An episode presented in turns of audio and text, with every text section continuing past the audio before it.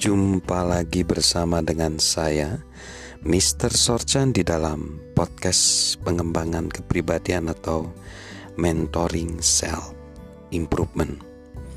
Kita masih dalam konteks bagaimana memberi dorongan semangat dapat memunculkan harapan. Albert Schweitzer berkata demikian, kadang-kadang lampu kita padam tetapi dinyalakan kembali oleh orang lain. Kita berhutang rasa terima kasih yang terdalam kepada orang-orang yang menyalakan lampu kita kembali. Mari sekarang kita berpikir dan melihat ada empat jenis orang di dalam kehidupan kita. Apakah kita termasuk yang mana? Tipe yang pertama, beberapa orang menambahkan sesuatu ke dalam hidup, dan kita menikmati mereka. Banyak orang di dunia ini ingin menolong orang-orang lain. Orang-orang ini adalah para penambah. Mereka membuat kehidupan orang lain lebih menyenangkan dan lebih dapat dinikmati. John Wesley menasehati orang untuk melakukan semua kebaikan yang dapat Anda lakukan dengan semua cara yang dapat Anda gunakan. Di semua jalan yang dapat Anda tempuh, di semua tempat yang dapat Anda pakai, sepanjang waktu yang dapat Anda gunakan, kepada semua orang yang dapat Anda tolong selama Anda mampu. Jelas, John Wesley adalah seorang penambah.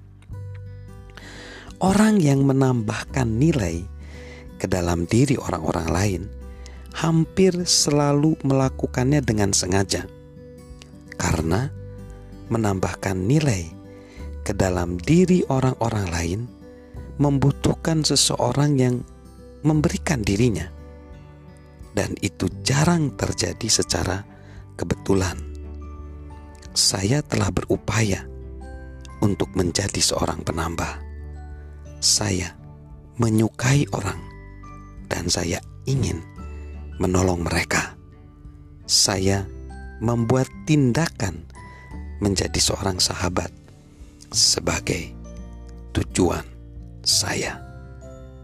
Tipe yang kedua beberapa orang mengurangi sesuatu dari hidup. Kita mentoleransi mereka. Dalam Julius Caesar, Cassius menegaskan, seorang teman seharusnya menanggung kelemahan temannya. Tetapi Brutus membuat kelemahanku lebih besar dari yang sebenarnya. Itulah para pengurang lakukan. Mereka tidak menanggung beban-beban kita. Mereka membuat beban-beban kita yang sudah ada semakin berat. Yang paling menyedihkan tentang para pengurang adalah bahwa apa yang mereka lakukan biasanya tidak sengaja jika kita tidak tahu bagaimana menambahkan ke dalam diri orang-orang lain, mungkin kita mengurangi dengan tidak melakukannya. Dalam hubungan, menerima memang mudah, memberi lebih sulit. Itu hampir sama dengan perbedaan antara membangun dan merobohkan sesuatu. Dibutuhkan banyak waktu dan energi bagi seorang pengrajin handal untuk membuat sebuah kursi yang indah, tetapi tidak dibutuhkan keahlian apa pun untuk menghancurkan kursi hanya dalam hitungan menit. Itulah dua jenis orang. Apakah memberi dorongan semangat atau tidak. di segmen berikutnya ada dua jenis lagi. Salam memberi dorongan semangat dari saya, Mr. Sorjan.